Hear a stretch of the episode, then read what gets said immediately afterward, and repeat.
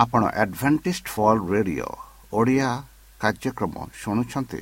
ଅଧିକ ସୂଚନା ପାଇବା ପାଇଁ ଆମ ସହ ସଂଯୋଗ କରନ୍ତୁ। ଏକ ଆଠ ଶୂନ୍ୟ ଶୂନ୍ୟ ଆଠ ତିନି ତିନି ଦୁଇ ଦୁଇ ତିନି ଏକ କିମ୍ବା Bible at the rate of A W R dot O R G ଏହା Adventist World Radio Voice of Hope ଜୀବନଧାରା।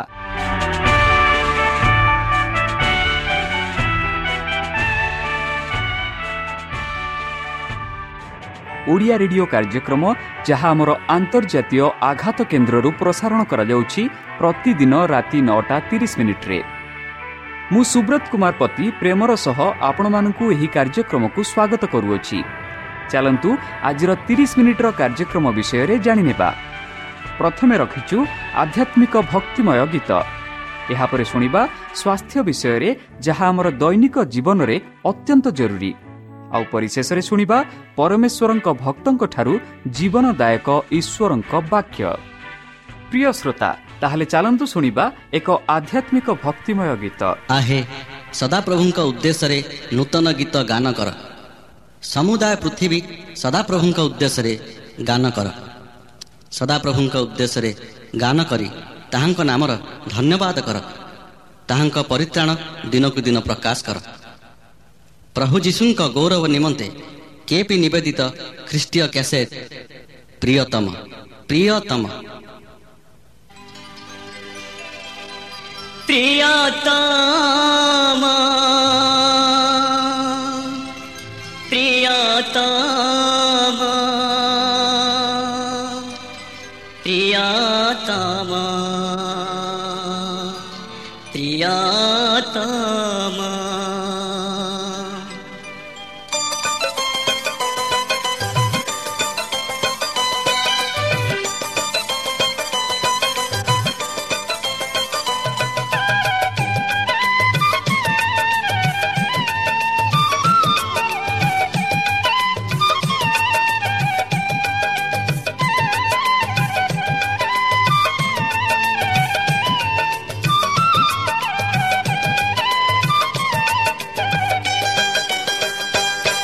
প্রশংসা গৌরব কর প্রশংসা গৌরব কর।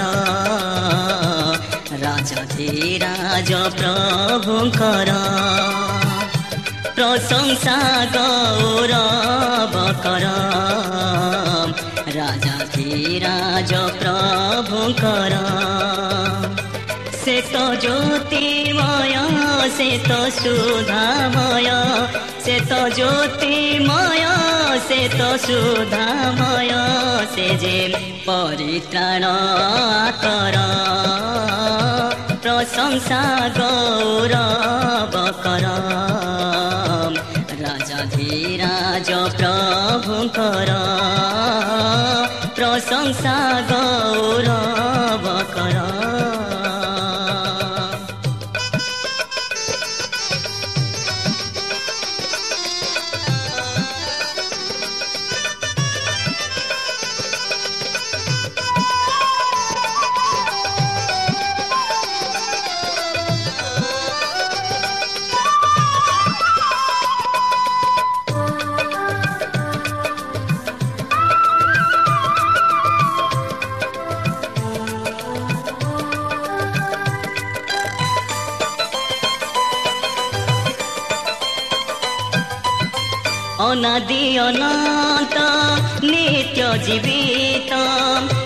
ସର୍ବଶକ୍ତିମାନ ପ୍ରେମେ ବିଭୂଷଣ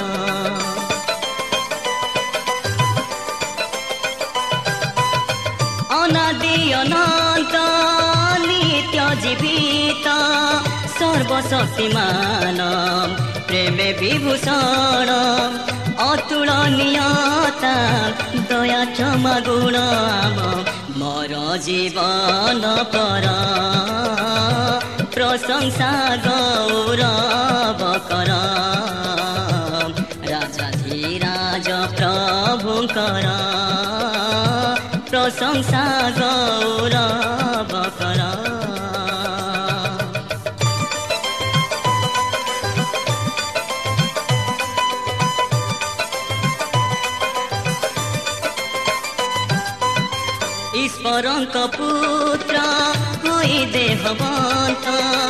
ପ୍ରକାଶିଲେ ବିଶ୍ୱେ ଜୀବନର ପଥ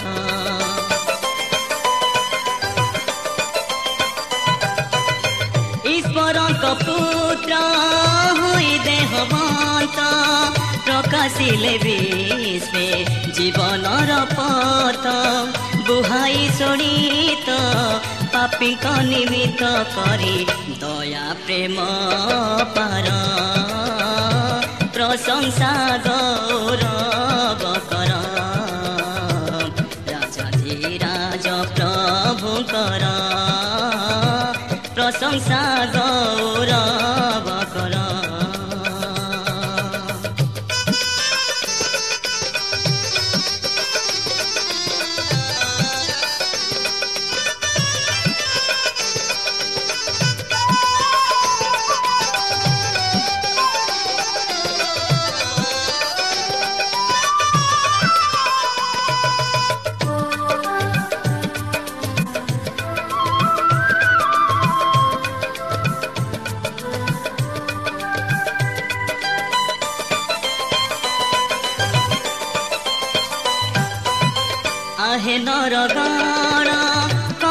କର ଜୟ ଗାନ ସୁମରି ତାହାଙ୍କ ବହୁମୂଲ୍ୟ ଦାନ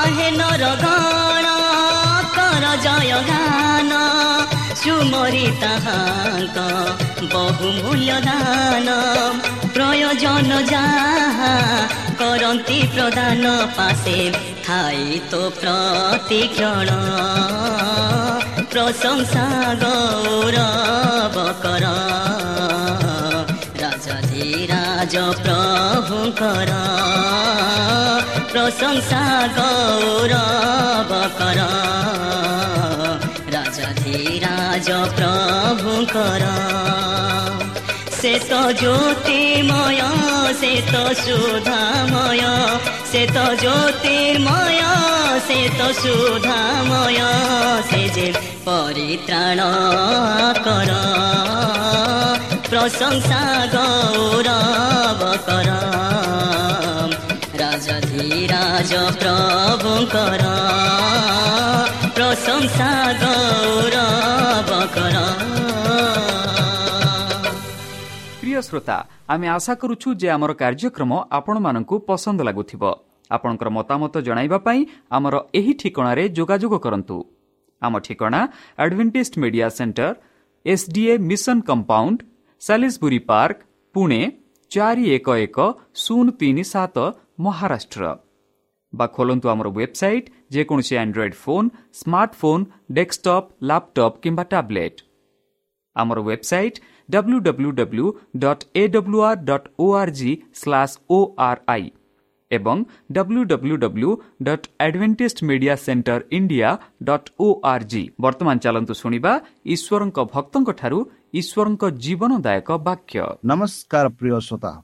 ସେହି ସର୍ବଶକ୍ତି ସର୍ବଜ୍ଞାନୀ ପ୍ରେମର ସାଗର ଦୟାମୟ ଅନ୍ତର୍ଜମୀ ଅନୁଗ୍ରହ ପରମ ପିତାଙ୍କ ମଧୁର ନାମରେ ମୁଁ ପାଷ୍ଟ ପୂର୍ଣ୍ଣଚନ୍ଦ୍ର ଆଉ ଥରେ ଆପଣମାନଙ୍କୁ ଏହି କାର୍ଯ୍ୟକ୍ରମରେ ସ୍ୱାଗତ କରୁଅଛି। ସେହି ସର୍ବଶକ୍ତି ପରମେଶ୍ୱର ଆପଣମାନଙ୍କୁ ଆଶୀର୍ବାଦ କରନ୍ତୁ। ଆପଣଙ୍କୁ ସମସ୍ତ ପ୍ରକାର ଦୁଃଖ କଷ୍ଟ ବାଧା କ୍ଲେଶ ଓ ରୋଗରୁ ଦୂରେଇ ରଖନ୍ତୁ। ଶତ୍ରୁ ସୈତାନ ହସ୍ତରୁ ସେ ଆପଣଙ୍କୁ ସୁରକ୍ଷାରେ ରଖନ୍ତୁ। ତାହାଙ୍କ ପ୍ରେମ ତାହାଙ୍କ ସ୍ନେହ ତାହାଙ୍କ କୃପା ତାହାଙ୍କ ଅନୁଗ୍ରହ ସଦାସର୍ବଦା ଆପଣଙ୍କଠାରେ ସହବର୍ତ୍ତୀ ରହୁ ପ୍ରିୟସତା ଚାଲନ୍ତୁ ଆଜି ଆମ୍ଭେମାନେ କିଛି ସମୟ ପବିତ୍ର ଶାସ୍ତ୍ର ବାଇବଲଠୁ ତାହାଙ୍କ ଜୀବନଦାୟକ ବାକ୍ୟ ଧ୍ୟାନ କରିବା। ଆଜିର ଆଲୋଚନା ହେଉଛି ଇମାନୁଏଲ ଆମମାନଙ୍କ ସହିତ ଈଶ୍ୱର। ଯଦି ଆମେ ଦେଖିବା ମାଥ୍ୟୁ ତାର ଏକ ତେଇଶରେ ସେଠି ସ୍ୱର୍ଗଦୂତ କହନ୍ତି ଏହିପରି ଦେଖ ଜଣେ କନ୍ୟା ଗର୍ଭବତୀ ହୋଇ ପ୍ରଭୁ ପୁତ୍ର ପ୍ରସବ କରିବେ। ଆଉ ଲୋକେ ତାହାଙ୍କ ନାମ ଇମାନୁଏଲ ଦେବେ। ଏହି ନାମର ଅର୍ଥ ଆମମାନଙ୍କ ସହିତ ଈଶ୍ୱର। ବନ୍ଧୁ ଇମାନୁଏଲ ଈଶ୍ୱର ଆମମାନଙ୍କ ସହିତ। ଆମେ ଯଦି ଏହି ବିଷୟରେ ଆଲୋଚନା କରିବା ଇମାନୁଏଲ ଈଶ୍ୱର ଆମମାନଙ୍କ ସହିତ ମାନେ ଈଶ୍ୱର ମନୁଷ୍ୟଙ୍କ ମନୁଷ୍ୟମାନଙ୍କ ମଧ୍ୟସ୍ଥରେ ବାସ କଲେ। ନିଜ ଅସହାୟ ସନ୍ତାନମାନଙ୍କୁ ଫେରାଇ ଆଣିବା। ସେଥିପାଇଁ ସେ ପୃଥିବୀକୁ ଆସିଥିଲେ। ତାଙ୍କ ଆଗମନ ବିନା ଆମେ ସବୁଦିନ ପାଇଁ ନଷ୍ଟ ହୋଇଯାଇଥାନ୍ତୁ। ଲୋକମାନେ ଯାହା ଆଶା କରିଥିଲେ ତାହାଠାରୁ ଈଶ୍ୱର ଏକ ଭିନ୍ନ ରୂପରେ ପୃଥିବୀକୁ ଆସିଥିଲେ। ଏପରିକି ପରମେଶ୍ୱର ମନୋନୀତ ଲୋକମାନଙ୍କ ମଧ୍ୟରେ ଦାରିଦ୍ର୍ୟ ଏବଂ ନମ୍ରତା ମଧ୍ୟରେ ରକ୍ଷାକର୍ତ୍ତାଙ୍କ ଖୋଜୁନଥିଲେ ସେମାନେ ଉତ୍ତମତା ଉପରେ ମହାନତା ପାଇଁ ନମ୍ରତା ଉପରେ ମହିମା ପାଇଁ ଦାରିଦ୍ର୍ୟ ଉପରେ କ୍ଷମତା ପାଇଁ ତ୍ୟାଗ ଉପରେ ରାଷ୍ଟ୍ରୀୟତା ପାଇଁ ଖୋଜୁଥିଲେ। ଇମାନୁଲ ପୁତ୍ରଙ୍କ ଏକ ପୂର୍ଣ୍ଣ ଅର୍ଥରେ ଈଶ୍ୱର ଥିଲେ। ସେ ହୃଦୟରେ ଈଶ୍ୱର ଓ ଦୈନନ୍ଦିନ ଜୀବନରେ ଈଶ୍ୱର ଥିଲେ। ସେ ମନୁଷ୍ୟ ଦେହରେ ପରମେଶ୍ୱରଙ୍କର ସମସ୍ତ ପ୍ରେମ ଏବଂ ତାଙ୍କର ସମସ୍ତ ଭଲ କାର୍ଯ୍ୟର ପ୍ରକାଶ ଥିଲେ। ସେ ଥିଲେ ମରିୟମଙ୍କ ପୁତ୍ର ଯୀଶୁ ପରମେଶ୍ୱରଙ୍କ ପୁତ୍ର ଇମାନୁଏଲ। ଏହି ବାକ୍ୟ ବନ୍ଧୁ ଯାହା ଆମେ ଦେଖୁଅଛୁ ଜନଙ୍କ ଭାଷା ସରଳ କିନ୍ତୁ ଗଭୀର। ଏହି ଶବ୍ଦ ଗୁଡ଼ିକ ସମ୍ପୂର୍ଣ୍ଣ ଅର୍ଥ ବାହାର କରିବା ପାଇଁ ଆମକୁ ବହୁତ ବିସ୍ତୃତ ଭାବରେ ଅଧ୍ୟୟନ କରିବାକୁ ଆବଶ୍ୟକ। ଉଦାହରଣ ସ୍ୱରୂପ ଆପଣ ଆପଣା ଶବ୍ଦର ଅଭିବ୍ୟକ୍ତିକୁ ସମ୍ପୂର୍ଣ୍ଣ ଭାବରେ ବୁଝିପାରିବା କି ସେହି ବାକ୍ୟ କେତେ ଗୁରୁତ୍ୱପୂର୍ଣ୍ଣ ତାହା ଆପଣ ଦେଖୁଛନ୍ତି କି ବନ୍ଧୁ? ଆମେ ପ୍ରକୃତରେ ଯୀଶୁଙ୍କୁ ଜାଣି ନାହୁଁ ଯେ ପର୍ଯ୍ୟନ୍ତ ଆମେ ଯୀଶୁଙ୍କ ଦେବ ସୃଷ୍ଟିରେ ତାଙ୍କର ଭୂମିକା ପିତାଙ୍କ ସହିତ ତାଙ୍କର ସମ୍ପର୍କ ଏବଂ ସେ ମାନବତା ପାଇଁ କ'ଣ କରିଛନ୍ତି ତାହାକୁ ଚିହ୍ନି ନଥିବା ପର୍ଯ୍ୟନ୍ତ ଆମେ ବୁଝିପାରିବା ନାହିଁ। ଯୀଶୁ ହେଉଛନ୍ତି ପରମେଶ୍ୱରଙ୍କ ବାକ୍ୟ। ଶବ୍ଦ ହେଉଛି ପରମେଶ୍ୱରଙ୍କର ଏକ ଅଭିବ୍ୟକ୍ତି। ଯୀଶୁଙ୍କ ମାଧ୍ୟମରେ ପରମେଶ୍ୱର ନିଜକୁ ଦୃଢ଼ ଓ ମନୁଷ୍ୟମାନଙ୍କ ନିକଟରେ ପ୍ରକାଶ କଲେ। ଯୀଶୁଙ୍କ ଠାରେ ଆମେ ପରମେଶ୍ୱରଙ୍କର ସବୁଠାରୁ ପ୍ରିୟ ସବୁଠାରୁ ଗୁରୁତ୍ୱପୂର୍ଣ୍ଣ ସବୁଠାରୁ ଛାଇ ଚିନ୍ତାଧାରାର ଅଭିବ୍ୟକ୍ତି ପାଇଥାଉ। ଯୀଶୁ ତାଙ୍କ ପିତାଙ୍କ ସହିତ ଏକ ଏତେ ସମ୍ପୂର୍ଣ୍ଣ ଭାବରେ ପରିଚିତ ଯେ ତାଙ୍କୁ ବାକ୍ୟର ବାକ୍ୟରେ ବିବେଚନା କରାଯାଇପାରେ ନାହିଁ ଯେତେବେଳେ ଫିଲିପ ଯୀଶୁଙ୍କୁ ପଚାରିଲେ ପିତାଙ୍କୁ ପ୍ରକାଶ କରିବାକୁ ଚାହୁଁଥିଲେ? ଯୀଶୁ ଉତ୍ତର ଦେଲେ ଯିଏ ମୋତେ ଦେଖିଛି ସେ ପିତାଙ୍କୁ ଦେଖିଛି ବୋଲି ଏହିପରି ସେ କହିଲେ। ଯେତେବେଳେ ଆମେ ଯୀଶୁଙ୍କ ସହିତ ପରିଚିତ ହୋଇଥାଉ ଆମେ ପରମେଶ୍ୱରଙ୍କ ସହିତ ପରିଚିତ ହୋଇଥାଉ ଯଦି ଆମେ ପ୍ରେମ ଭଲ ଭାବ ପରମେଶ୍ୱରଙ୍କର ମାର୍ଗ ସହିତ ପରିଚିତ ହେବାକୁ ଚାହୁଁଛୁ ତେବେ ଖ୍ରୀଷ୍ଟଙ୍କ ସହିତ ପବିତ୍ର ହେବା ଠାରୁ ଭଲ ଉପାୟ ଅଛି ଆଉ କିଛି ନାହିଁ। ସେ ପରମେଶ୍ୱରଙ୍କ ବାକ୍ୟ ତାଙ୍କ ପିତାଙ୍କ ଏକ ସମ୍ପୂର୍ଣ୍ଣ ଅଭିବ୍ୟକ୍ତ କରିଛନ୍ତି। ପରମେଶ୍ୱର ଏବଂ ଯୀଶୁଙ୍କ ମଧ୍ୟରେ ପିତା ଓ ପୁତ୍ରଙ୍କ ମଧ୍ୟରେ ସମ୍ପୂର୍ଣ୍ଣ ପରିଚିତ ହେତୁ ଏପରି ଲୋକ ଅଛନ୍ତି ଯେଉଁମାନେ ସେମାନଙ୍କ ଏକ ଏବଂ ସମାନ ବ୍ୟକ୍ତି ଭାବରେ ଦେଖନ୍ତି। କିନ୍ତୁ ତାହା ସତ ନୁହେଁ ଯୀଶୁ ପରମେଶ୍ୱରଙ୍କ ଜଣେ ଉପଯୁକ୍ତ ପ୍ରବକ୍ତା ଥିଲେ କିନ୍ତୁ ସେ ଜଣେ ଅଲଗା ବ୍ୟକ୍ତି ଥିଲେ। ଖ୍ରୀଷ୍ଟ ହିଁ ଆକାଶ ଆକାଶ ବିଶ୍ୱାସ କରିଥିଲେ ଏବଂ ପୃଥିବୀର ମୂଳ ଦୁଆ ପକାଇଥିଲେ। ତାଙ୍କ ହାତ ହିଁ ମହାକାଶର ଦୁନିଆକୁ ଟାଙ୍ଗି ଦେଇଥିଲା ଏବଂ କ୍ଷେତ୍ରର ଫୁଲ ଫୁଲ ତିଆରି କରିଥିଲା। ସେ ହିଁ ପୃଥିବୀକୁ ସୌନ୍ଦର୍ଯ୍ୟରେ ଭରି ଦେଇଥିଲେ। ଏବଂ ବାୟୁକୁ ଗତିରେ ଭରାଇଥିଲେ ପୃଥିବୀ ଆକାଶ ଓ ଆକାଶର ସମସ୍ତ ଜିନିଷ ଉପରେ ସେ ପିତାଙ୍କ ପ୍ରେମର ବାର୍ତ୍ତା ଦେଖାଇଲେ। ଯେତେବେଳେ ପରମେଶ୍ୱରଙ୍କ ତାଙ୍କ ପୁତ୍ରକୁ କହିଲେ ଆସନ୍ତୁ ଆମର ପ୍ରତିମୂର୍ତ୍ତିରେ ମନୁଷ୍ୟ ସୃଷ୍ଟି କରିବା। ଶୈତାନ ଯୀଶୁଙ୍କୁ ଈର୍ଷା କଲେ। ସେ ମନୁଷ୍ୟ ଗଠନ ବିଷୟରେ ପରାମର୍ଶ ନେବାକୁ ଚାହୁଁଥିଲେ ଏବଂ ଯେହେତୁ ସେ ନଥିଲେ ସେ ଈର୍ଷା ଏବଂ ଘୃଣାରେ ପରିଣତ ହୋଇଥିଲେ ଏହି ସମୟ ପର୍ଯ୍ୟନ୍ତ ସମସ୍ତ ସ୍ୱର୍ଗ ଈଶ୍ୱରଙ୍କ ସରକାରଙ୍କ ଅଧୀନରେ ରହିଥିଲା ସୌନ୍ଦର୍ଯ୍ୟ ପୂର୍ଣ୍ଣ ଥିଲା ଏବଂ ସମ୍ପୂର୍ଣ୍ଣ ଅଧୀନରେ ଥିଲା କିନ୍ତୁ ଏବେ ସ୍ୱର୍ଗର ସୌନ୍ଦର୍ଯ୍ୟ ସୌନ୍ଦର୍ଯ୍ୟ ଭାଙ୍ଗି ଯାଇଛି ସୈତାନର ନବ ନିର୍ମିତ ଦୁନିଆରେ ତାଙ୍କ ବାସସ୍ଥାନ ଗ୍ରହଣ କରିବା ପାଇଁ ବାହାରକୁ ଚାଲି ଆସିଥିଲେ ଏବଂ ତାଙ୍କ ବିଦ୍ରୋହଙ୍କୁ ସମଗ୍ର ବ୍ରହ୍ମାଣ୍ଡରେ ବହନ କରିବାକୁ ଉଦ୍ଦେଶ୍ୟ ରଖିଥିଲେ। ସେ ପରମେଶ୍ୱରଙ୍କ ପ୍ରତିମୂର୍ତ୍ତିରେ ସୃଷ୍ଟି ହୋଇଥିବା ମନୁଷ୍ୟକୁ ଅମାନ୍ୟରେ ପ୍ରଲୋଭିତ କରିଥିଲେ। ଏପରି ସେମାନେ ସେମାନଙ୍କ ନିର- ନିରୀହତା ଏବଂ ସୁଖ ହରାଇଲେ ଏବଂ ମୃତ୍ୟୁର ଦଣ୍ଡ ଭୋଗିବାକୁ ବାଧ୍ୟ ହେଲେ। ତଥାପି ଈଶ୍ୱର ସେମାନଙ୍କୁ ଭଲ ପାଉଥିଲେ। ତେଣୁ ଯୀଶୁ ଏକ ଯୋଜନା ପ୍ରସ୍ତୁତ କଲେ ଯେଉଁଥିରେ ସେ ସେମାନଙ୍କୁ ପାପରୁ ପୁନରୁଦ୍ଧାର କରିପାରେ ଏବଂ ସେମାନଙ୍କୁ ଅନୁଜ୍ଞତ ଏବଂ ପବିତ୍ରାକୁ ପୁନରୁଦ୍ଧାର କରିପାରିବା ଏହାକୁ ବଞ୍ଚାଇବା ପାଇଁ ଯୀଶୁ ଦୁନିଆକୁ ଆସିଥିଲେ ବନ୍ଧୁ ଦୃଶ୍ୟଟି ବୁଝିବା ବାହାରେ ପ୍ରାୟ ବିଶ୍ୱାସ ବାହାରେ ଏଠାରେ ଏମିତି କିଛି ଥିଲା ଯାହା ହେଉଛି ନୁହେଁ ତାହା ହୋଇପାରିଛି ପାରିବ ନାହିଁ କିନ୍ତୁ ଏହା ହେଲା। ବନ୍ଧୁ ଯେପରି ଜନ ତିନି ଷୋହଳରେ ଆମେ ଦେଖୁଛୁ ଈଶ୍ୱରଙ୍କ ପ୍ରେମ ବିଷୟରେ ଏହାକୁ ନିର୍ମିତ ଭାବରେ ବିଭକ୍ତ କରାଯାଇପାରେ। ପରମେଶ୍ୱର ଜଗତକୁ ବହୁତ ଭଲ ପାଉଥିଲା। ଧୈର୍ଯ୍ୟ ସେ ତାଙ୍କର ଏକମାତ୍ର ପୁତ୍ର ଦେଲେ। ଗଭୀରତା ଯିଏ ତାଙ୍କ ଉପରେ ବିଶ୍ୱାସ କରେ ସେ ନଷ୍ଟ ନ ହୋଇ ଅନନ୍ତ ଜୀବନ ପ୍ରାପ୍ତ ହେବ। ଦେଖନ୍ତୁ ବନ୍ଧୁ କରାଯାଇଥିବା ଧୈର୍ଯ୍ୟ ଗଭୀର ଯାହାକି ଜନ ତିନି ଷୋହଳରେ ଆମେ ପାଉଛୁ। ଆମର ମୁକ୍ତି ଯୋଜନାର ପିତା ଓ ପୁତ୍ରଙ୍କ ମଧ୍ୟରେ ସମ୍ପୂର୍ଣ୍ଣ ଏକତା ଥିଲା। ପରମେଶ୍ୱର ପୁତ୍ରକୁ ପଠାଇଲେ ଏବଂ ପୁତ୍ର ସ୍ୱଚ୍ଛତାକୁ ଭାବରେ ଯିବାକୁ ଚାହିଁଲେ।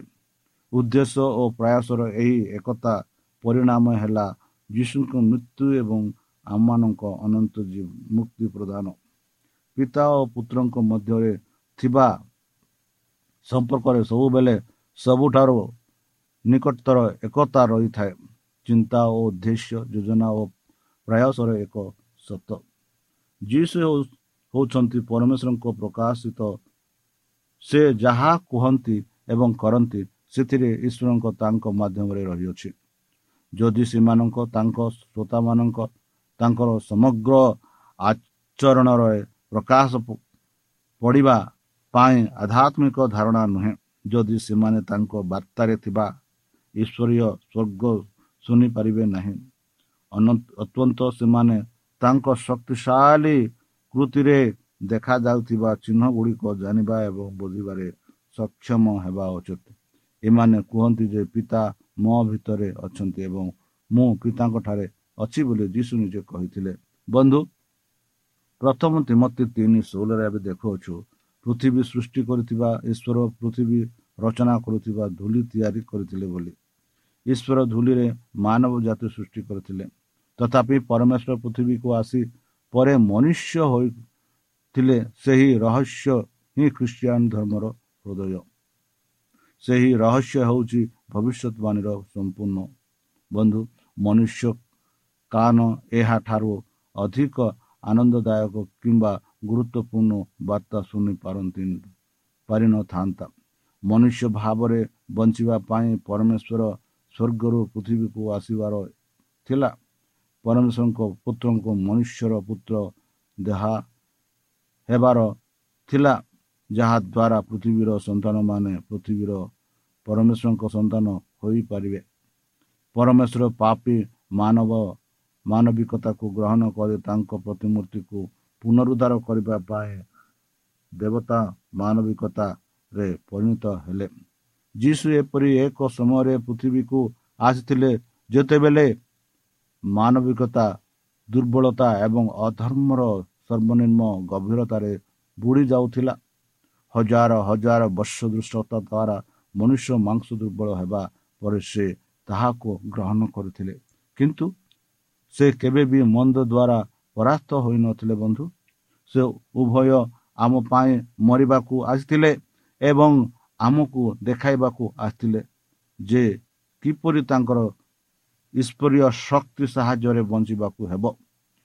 ଯେହେତୁ ସେ ମନ୍ଦ ଶକ୍ତି ବିରୁଦ୍ଧରେ ବିଜୟୀ ହୋଇଥିଲେ ତେଣୁ ସେ ଆମକୁ ଜାଣିବାକୁ ଚାହୁଁଥିଲେ ଯେ ଆମେ ମଧ୍ୟ ବିଜୟୀ ହୋଇପାରିବା। ସେ ତାଙ୍କର ଏକମାତ୍ର ଚିହ୍ନତ ପୁତ୍ରଙ୍କୁ ପୃଥିବୀକୁ ଆସିବାକୁ ଦେଲେ। ମନୁଷ୍ୟର ପ୍ରକୃତିକୁ କେବଳ ଅଳ୍ପ ବର୍ଷ ପାଇଁ ନୁହେଁ ବରଂ ସ୍ୱର୍ଗୀୟ ଦରବାରରେ ନିଜ ପ୍ରକୃତିକୁ ବଜାୟ ରଖିବାକୁ ହେଲେ ଯାହା ପରମେଶ୍ୱରଙ୍କ ବିଶ୍ୱସ୍ତାର ଏକ ଅନନ୍ତ ପ୍ରତିଶ୍ରୁତି। ହେ ଧନର ଗଭୀର ଉଚ୍ଚର ଈଶ୍ୱର ଜ୍ଞାନ ପ୍ରେମ ଦେଖ ପିତା ଆମକୁ କେଉଁ ପ୍ରକାର ପ୍ରେମ କରୁଛନ୍ତି ଯେ ଆମମାନଙ୍କ ପରମେଶ୍ୱର ପୁତ୍ର କୁହାଯାଇ କହିବା ଉଚିତ। ଏହିପରି ପ୍ରଥମ ଜହନ ତିନି ଏକରେ ଆମେ ପାଉଛୁ। ବନ୍ଧୁ ଖ୍ରୀଷ୍ଟଙ୍କ ଉପରେ ବିଶ୍ୱାସ ଦ୍ୱାରା ଆମେ ଯାହା ଯାହା ପରିବାରର ସଦସ୍ୟ ହେଉଅଛୁ। ପରମେଶ୍ୱରଙ୍କ ଉତ୍ତରାଧିକାରୀ ଏବଂ ଯୀଶୁ ଖ୍ରୀଷ୍ଟଙ୍କ ସହିତ ମିଳିତ ଉତ୍ତରାଧିକାରୀ ହୋଇଥିବା ଖ୍ରୀଷ୍ଟଠାରେ ହିଁ ଏସବୁ ଆମକୁ ମିଳିଥାଏ। ଯେପରିକି ପ୍ରକାଶିତ ପାଞ୍ଚ ବାରରେ ଆମେ ପାଉଛୁ ଖ୍ରୀଷ୍ଟ ଅନ୍ତିମ ରାଜ୍ୟ ରାଜ୍ୟ ବିଶେଷ ସମୟରେ ସିଂହାସନ ବିଷୟରେ ଠିଆ ହୋଇଥିବା ମୁକ୍ତିପ୍ରାପ୍ତ ବ୍ୟକ୍ତିମାନଙ୍କ ପ୍ରଶଂସା ଏବଂ ବିଜୟରେ କୋରସ ଅଟନ୍ତି ଦେଖନ୍ତୁ ଯଦି ଆମେ ପଢ଼ିବା ମହାନ ବା ମହାନ ସଂଘର୍ଷ ପୃଷ୍ଠ ପୃଷ୍ଠା ଛଅଶହ ଏକତିରିରେ ପଢ଼ିବା ଏହିପରି ଆମେ ପାଉଅଛୁ। ସ୍ତନମାନେ ସେଠାରେ ଅଛନ୍ତି କାରଣ ଖ୍ରୀଷ୍ଟ ସେମାନଙ୍କ ମୃତ୍ୟୁରେ ମୁକ୍ତି ଦେଇଛନ୍ତି। ସେମାନେ ପାପି ଥିଲେ କାରଣ ଯୀଶୁ ସେମାନଙ୍କ ମୁକ୍ତିର ମୂଲ୍ୟ ଦେଇଥିଲେ। ସେହି ମୂଲ୍ୟ ଥିଲେ ତାଙ୍କ ଜୀବନ ତାଙ୍କ ରକ୍ତ ସେ ମରିଗଲେ ସେ ସେମାନଙ୍କୁ ବଞ୍ଚାଇ ପାରିବେ। ସେମାନେ ଯାହା ଉତ୍ତାରକାରୀ ହୋଇଥିବ ପାରନ୍ତି ତାହା ସେ ତ୍ୟାଗ କଲେ। ସେ ସ୍ୱର୍ଗକୁ ସ୍ୱର୍ଗରୁ ଆସିଲେ। ଯେପରି ସ୍ୱର୍ଗ ଚିରକାଳ ସେମାନଙ୍କ ହୋଇପାରେ। ସେ ସ୍ୱର୍ଗକୁ ପୃଥିବୀକୁ ଆସିଥିଲେ ଯେ ପୃଥିବୀ ନିଜେ ସ୍ୱର୍ଗ ପରେ ପରିଣତ ହେବ। ସେ ତାଙ୍କ ପିତାଙ୍କ ସହିତ ସିଂହାସନରେ ନିଜର ସ୍ଥାନ ଛାଡ଼ିଲେ ଯେ ମୁକ୍ତିପ୍ରାପ୍ତ ବ୍ୟକ୍ତି ମହିମାରେ ରାଜତ୍ୱ କରିପାରିବେ। ଏବେ ସେମାନେ ସର୍ବଜାନୀ ରାଜା ଭାବେ ମୁକୁଟ ପିନ୍ଧିଥିବା ଯୀଶୁଙ୍କ ସର୍ବଜନୀୟ ପ୍ରଶଂସାର ଯୋଗ୍ୟ ବନ୍ଧୁ ଖ୍ରୀଷ୍ଟ ହେଉଛନ୍ତି ପରମେଶ୍ୱରର ପରମେଶ୍ୱରଙ୍କ ମେଣ୍ଢା। ଯିଏ ସଂସାରର ପାପକୁ ଛଡ଼ାଇ ବା ନେଇଗଲା ବୋଲି ଆମେ ଜହନ ଏକ ଅତିରିଶରେ ପାଉଅଛୁ। ସେ ହେଉଛନ୍ତି ସେହି ବ୍ୟବସ୍ଥା ଯାହା ପରମେଶ୍ୱରଙ୍କ ଜଗତ ସୃଷ୍ଟି ପୂର୍ବରୁ କରିଥିଲେ ଯାହା ପ୍ରଥମ ପିତର ଏକ କୋଡ଼ିଏ ପ୍ରକାଶିତ ତେର ଆଠରେ ଏହିପରି ଆମକୁ ବୁଝାଇ କହୁଅଛି। ଏହା ଏକ ଗୁରୁତ୍ୱପୂର୍ଣ୍ଣ ଧାରଣା ବନ୍ଧୁ। ଈଶ୍ୱର ପ୍ରଥମ ଏବଂ ମୁକ୍ତିଦାତା ଦ୍ୱିତୀୟ ଆଉ କେହି ନାହାନ୍ତି ଏହି ପୃଥିବୀରେ। ଆଦମ ବା ପାପ କରିବା ପରେ ସେ ମୁକ୍ତିଦାତା ହୋଇନଥିଲେ ମାନବ ଜାତି ସୃଷ୍ଟି କରିବା ପୂର୍ବରୁ ସେ ମୁକ୍ତି ପାଇଁ ଯୋଜନା କରିଥିଲେ ବୋଲି ଆମେ ପାଉଛୁ ବନ୍ଧୁ। ଏହା ନୁହେଁ ଯେ ଆମେ ଈଶ୍ୱରଙ୍କୁ ଏକ ସମୟ କାରକ ଦ୍ୱାରା ସୀମିତ ରଖିବାକୁ ଚାହୁଁଛୁ। କିନ୍ତୁ ତାଙ୍କ ଭିତରେ ଜଣେ ଅନନ୍ତ ମୁକ୍ତିଦାତା ତଥା ଜଣେ ଅନନ୍ତ ସୃଷ୍ଟିକର୍ତ୍ତାଙ୍କୁ ଚିହ୍ନିବା ଜରୁରୀ। ଶୈତାନ ଏହି ଦାବିକୁ ସ୍ୱୀକାର କରେ। ଏହି ଦୁନିଆରେ ରାଜକୁମାର ଯୀଶୁ ସେହି ଦାବିକୁ ବିରୋଧ କରିବା ପାଇଁ ଏବଂ ଆମକୁ ଶତ୍ରୁତ୍ୱର ବଳରୁ ମୁକ୍ତି କରିବା ପାଇଁ ପୃଥିବୀକୁ ଆସିଥିଲେ। କୃଷର ସମ୍ମାନ କରି ଯୀଶୁ କହିଲେ ବର୍ତ୍ତମାନ ଏହି ଦୁନିଆ ପାଇଁ ବିଚାର ସମୟ ଆସିଅଛି। ବର୍ତ୍ତମାନ ଏହି ସଂସାରରେ ରାଜକୁମାର ମାନଙ୍କୁ ବାହାର କରି ଦିଆଯିବ ଏବଂ ଯେତେବେଳେ ମୋତେ ପୃଥିବୀ ଠାରୁ ଉଠାଯିବ ମୁଁ ସମସ୍ତ ଲୋକମାନଙ୍କୁ ନିଜ ଆଡ଼କୁ ଟାଣି ନେବି। ଏହା ଦର୍ଶାଉଛି ଯେ ସେ କେଉଁ ପ୍ରକାର ମୃତ୍ୟୁବରଣ କରିବାକୁ ଯାଉଛନ୍ତି। କୃଷରେ ଖ୍ରୀଷ୍ଟଙ୍କ ମୃତ୍ୟୁ ଧାର୍ମିକତା ମାନଙ୍କ ପାଇଁ ଅନନ୍ତ ଜୀବନ କିଣିଲା ଏବଂ ଦୁଷ୍ଟମାନଙ୍କ ପାଇଁ ନ୍ୟାୟପୂର୍ଣ୍ଣ ନ୍ୟାୟ ସୁନିଶ୍ଚିତ କଲା। ଖ୍ରୀଷ୍ଟଙ୍କ ରକ୍ତ ଦ୍ୱାରା ମାନବ ଜାତିର ମୁକ୍ତର ସମୟ ହେଉଛି ତୁମର ଭାଗ୍ୟର ମହାନ ସମୟ। ବନ୍ଧୁ ଯୀଶୁ ସହିତ ଯେଉଁମାନେ ବଳିଦାନର କୃଷ ବହନ କରିଛନ୍ତି ସେମାନେ ତାଙ୍କ ମହିମାର ତାଙ୍କ ସହ ଆଶୀର୍ବାଦର ହେବେ। ଖ୍ରୀଷ୍ଟଙ୍କ ଅପମାନ ଯେ ଯନ୍ତ୍ରଣାରେ ତାଙ୍କର ଆନନ୍ଦ ଥିଲା ଯେ ତାଙ୍କ ଶିଷ୍ୟମାନଙ୍କ ତାଙ୍କ ସହିତ ମହିମା ମଲିବା ମଲିବା ଉଚିତ। ସେଗୁଡ଼ିକ ହେଉଛି ତାଙ୍କ ଆତ୍ମା ବଳିଦାନର ଫଳ। ତାଙ୍କ ନିଜ ଚରିତ୍ର ଏବଂ ଆତ୍ମା ବିଷୟରେ ସେମାନଙ୍କ ମଧ୍ୟରେ କାର୍ଯ୍ୟ କରିବା ହେଉଛି ତାଙ୍କର ପୁରସ୍କାର ଏବଂ ଅନନ୍ତ କାଳ ପର୍ଯ୍ୟନ୍ତ ତାଙ୍କର ଆନନ୍ଦ ଦେହ। ସେମାନଙ୍କର ପରିଶ୍ରମ ଏବଂ ତ୍ୟାଗର ଫଳ ଭାବରେ ସେମାନେ ତାଙ୍କ ସହିତ ବାଣ୍ଟୁଥିବା ଏହି ଆନନ୍ଦ ଅନ୍ୟ ହୃଦୟ ଏବଂ ଜୀବନ ଦେଖିବାକୁ ମିଳେ। ବନ୍ଧୁ ଚାଲନ୍ତୁ ସେହି ଯୀଶୁଖ୍ରୀଷ୍ଟ ଯେ କି ଆମମାନଙ୍କ ପାଇଁ କୃଷରେ ନିଜ ଜୀବନ ଦାନ ଦେଲେ ଆମମାନଙ୍କ ପାଇଁ ଏହି ପୃଥିବୀକୁ ଆସିଲେ ଯେପରିକି ତାଙ୍କ ମୃତ୍ୟୁ ଦ୍ୱାରା ଆମେ ଅନନ୍ତ ଜୀବନ ପ୍ରାପ୍ତ ହୋଇପାରିବା। ତାହେଲେ ଚାଲନ୍ତୁ ନିଜକୁ ସମର୍ପଣ କରି ତାହାଙ୍କ ମଧୁର ନାମେ ଆମେ ପ୍ରାର୍ଥନା ଅର୍ପଣ କରିବା। ହେ ଆମମାନଙ୍କ ସର୍ବଶକ୍ତି ସର୍ବଜ୍ଞାନୀ ପ୍ରେମର ସାଗର ଦୟାମୟ ଅନନ୍ତ ପରମ ପିତା ଧନ୍ୟବାଦ ଅର୍ପଣ କରୁଛୁ। ବର୍ତ୍ତମାନ ଯେଉଁ ବାକ୍ୟ ତୁମ ଭକ୍ତମାନଙ୍କୁ ଶୁଣାଇଲେ ସେହି ବାକ୍ୟ ଅନୁସାରେ ଆମମାନଙ୍କୁ ଚାଲିବା ପାଇଁ ବୁଦ୍ଧିରେ ଜ୍ଞାନରେ ଶକ୍ତିରେ ପରିପୂର୍ଣ୍ଣ କର। ଆମ ପାପ ସବୁ ତୁମ ସେହି ବହୁମୂଲ୍ୟ ରକ୍ତରେ ପରିଷ୍କାର କରି ଧୋଇ ଦିଅ ଧନ୍ୟବାଦ ଅର୍ପଣ କରୁଛୁ ପ୍ରଭୁ ଯେହେତୁ ଯୀଶୁ ଖ୍ରୀଷ୍ଟ ଯିଏକି ଆମମାନଙ୍କୁ ଏତେ ପ୍ରେମ କଲେ ଆଉ ଏହି ପୃଥିବୀକୁ ଆସିଲେ ଆଉ ମାନଙ୍କ ପାଇଁ ମୃତ୍ୟୁବରଣ କଲେ ଯେପରି ତାଙ୍କ ମୃତ୍ୟୁ ଦ୍ୱାରା ଆମେ ଅନୁକୂଳ ପାଇପାରିବୁ। ପରିଶେଷ ଯେବେ ତୁମ ସେହି ପୁତ୍ର ସହସ୍ର ଦୂତଙ୍କ ସହ ଆସିବେ। ଆପଣ ସାଧୁମାନଙ୍କୁ ସଂଗ୍ରହ କରିବା ନିମନ୍ତେ ସେତେବେଳେ ଆମମାନଙ୍କୁ ଏକ ବାସସ୍ଥାନ ଦେବ ପ୍ରାଣକର୍ତ୍ତା ପ୍ରଭୁ ଯୀଶୁଙ୍କ ମଧୁମୀ ନାମରେ ଏ ଛୋଟ ବିକ୍ଷମ ଅଛି ତୁମେ ଗ୍ରହଣ କର ଆମେନ୍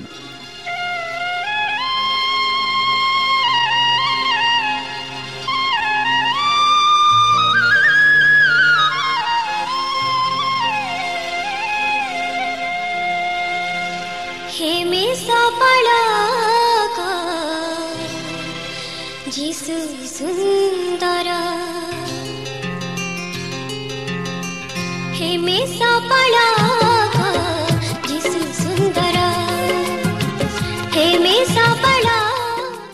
প্রিয় শ্রোতা আমি আশা করুଛୁ ଯେ ଆମର କାର୍ଯ୍ୟକ୍ରମ ଆପଣମାନଙ୍କୁ ପସନ୍ଦ ଲାଗୁଥିବ ଆପଣଙ୍କର ମତାମତ ଜଣାଇବା ପାଇଁ ଆମର ଏହି ଠିକଣାରେ ଯୋଗାଯୋଗ କରନ୍ତୁ ଆମ ଠିକଣା Adventist media centre SDA mission compound Salisbury Park Pune ଚାରି ଏକ ଏକ ଶୂନ ତିନି ସାତ ମହାରାଷ୍ଟ୍ର ବା ଖୋଲନ୍ତୁ ଆମର ୱେବ୍ସାଇଟ୍ ଯେକୌଣସି Android phone smartphone desktop laptop କିମ୍ବା ଟ୍ୟାବ୍ଲେଟ୍ ଆମର website W W W dot A W R dot O R G slash O R I ଏବଂ W W W dot Adventist media centre India dot O R G Adventist media centre ଇଣ୍ଡିଆର spelling ହେଉଛି A D V E N T I S T M E D I A C E N T R E I N D I A ଅଥବା download କରନ୍ତୁ ଆମର mobile app ଆପଣଙ୍କର mobile play ଷ୍ଟୋରକୁ ଯାଆନ୍ତୁ ଆଉ type କରନ୍ତୁ the voice of hope ଆଉ download କରନ୍ତୁ। ଈଶ୍ୱର ଆପଣଙ୍କୁ ଆଶୀର୍ବାଦ କରନ୍ତୁ। ଧନ୍ୟବାଦ।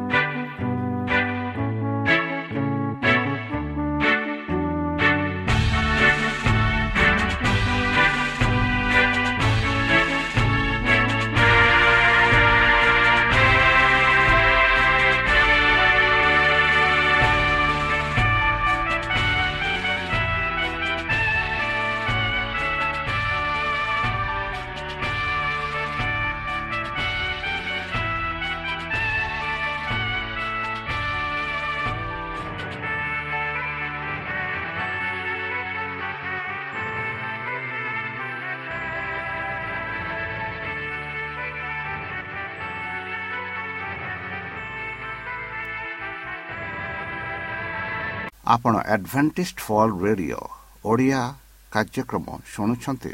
ଅଧିକ ସୂଚନା ପାଇବା ପାଇଁ ଆମ ସହ ସଂଯୋଗ କରନ୍ତୁ। ଏକ ଆଠ ଶୂନ୍ୟ ଶୂନ୍ୟ ଆଠ ତିନି ତିନି ଦୁଇ ଦୁଇ ତିନି ଏକ କିମ୍ବା Bible at the rate of A W R dot O R G